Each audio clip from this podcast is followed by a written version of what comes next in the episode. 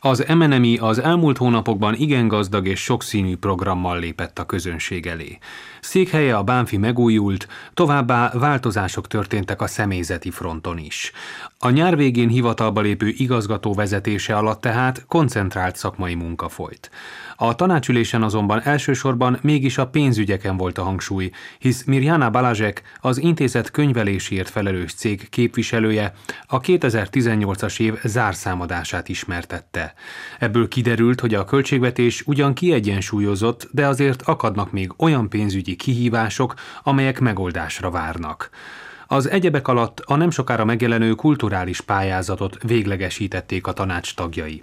Majd arról is szó esett, hogy mit jelent az intézet számára az újabb munkatárs távozása.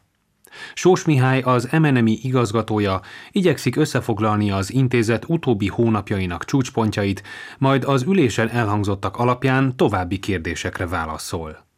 Nem szeretnék senkit sem megsérteni, mert azért annyi minden történt, hál' Isten az MNM életében, úgy mind évről évre mindig. Hogyha mindent fel szeretnék sorolni, akkor ilyen 11 néhány oldalon keresztül kéne csak magát a felsorolás, de talán a lényegesebb dolgok azok, hogy sikerült egy jó kapcsolatot kialakítani a hagyományok házával, oda-vissza volt látogatás, ők jöttek le mi hozzánk ősszel, mi mentünk hozzájuk. Télen ezen kívül a Kárpát-medencei kerekasztal is jól működött, ennek keretében keretén belül a tavalyi évben sikerült elnyerni egy pályázatot, a Négy határon át című projektet, ami még jelenleg zajlik. Muravidékről is három általános iskolás csapatunk van, akik ebben részt vesznek. Ezen felül persze a klasszikus rendezvények, amit így már megszokottak az elmúlt években, amit kiviteleztünk, illetve társ szervezők voltunk, vagy segítettünk magában a kivitelezésben. Nem szabad elfelejteni, hogy sok vagy jó néhány kötetet is ki, sikerült kiadni az elmúlt évben. Volt olyan is, aminek maga a bemutatása már átsúszott a rengeteg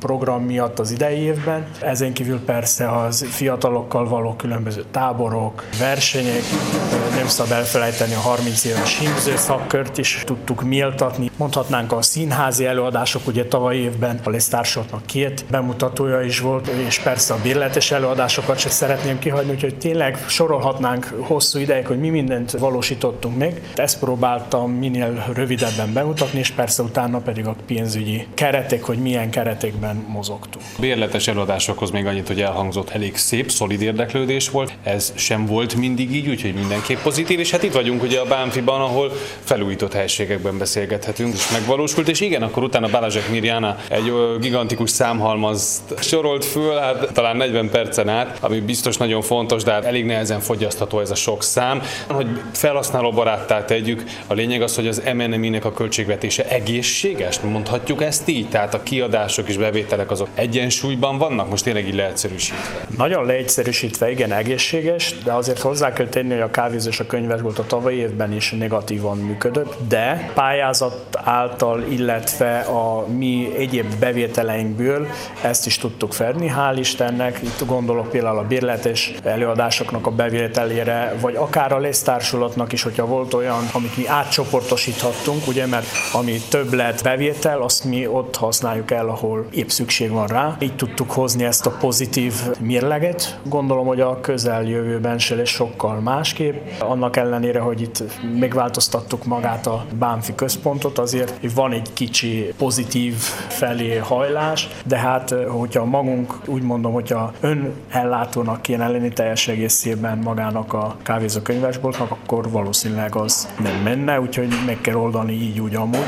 Szó volt még egy kicsit személyzeti kérdésekről is, az utóbbi hónapokban azért voltak változások, illetve most van egy friss változás is. A tavalyi éven még nem lehetett ezt észrevenni, ugye mert az év vége felé hagyott el bennünket két munkatárs itt a kávézóban. Az intézet költségvetésénél a pozitív hatást még nem érezhetjük, de azt is tudni kell, hogy annak ellenére kettő elment, de volt egy plusz munkaerő, úgymond, az igazgatóváltás után, úgyhogy lényegében a tavalyi évet kihúztuk, az idei évben pedig reménykedünk abban, abban, hogy a jelenleg módosított költségvetés, állami költségvetés elfogadásra kerül, és hogyha ez elfogadásra kerül, akkor nekünk is egy kicsit könnyebb dolgunk lesz. Reménykedünk a legjobban, mert mindig próbálunk megoldást találni, és ahogy már mondtam a tanácson is, hogy most február 28-ától elhagy bennünket titkárnőnk, akit nagyon sajnálunk, úgyhogy sok sikert kívánunk neki. A helyébe jelenleg még nem veszünk fel embert, megpróbáljuk belsőleg megoldani, de hosszú távon szeretnénk mindenféleképpen, és multifunkciós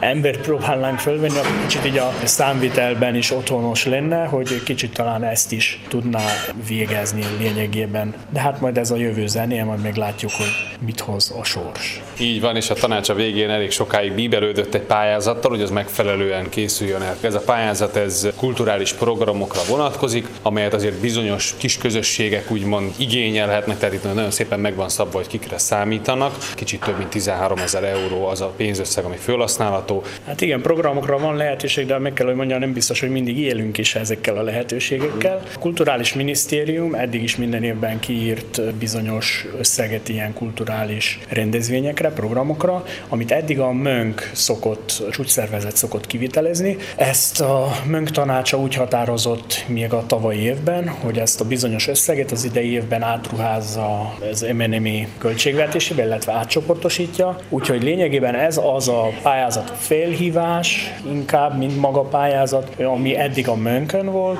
Ezt azért csináltuk így még, mert nekünk talán egy kicsit könnyebb a maga kivitelezés, elszámolás. Terepen is tudjuk, hogy mi hol, merre, mi történik, és talán könnyebben oda tudunk ítélni bizonyos összeget, illetve kicsit lazább a kiírás, hogy itt egy kicsit több a reprezentációra fordítható összeg. Úgyhogy hát majd meglátjuk, hogyha ez sikerül, ez az idei évben egy kis próbaidőszak, és ez most fog megjelenni csütörtökön a felhívás, és március 20-áig kell majd eljuttatni a megfelelő dokumentumokat ide az intézetre.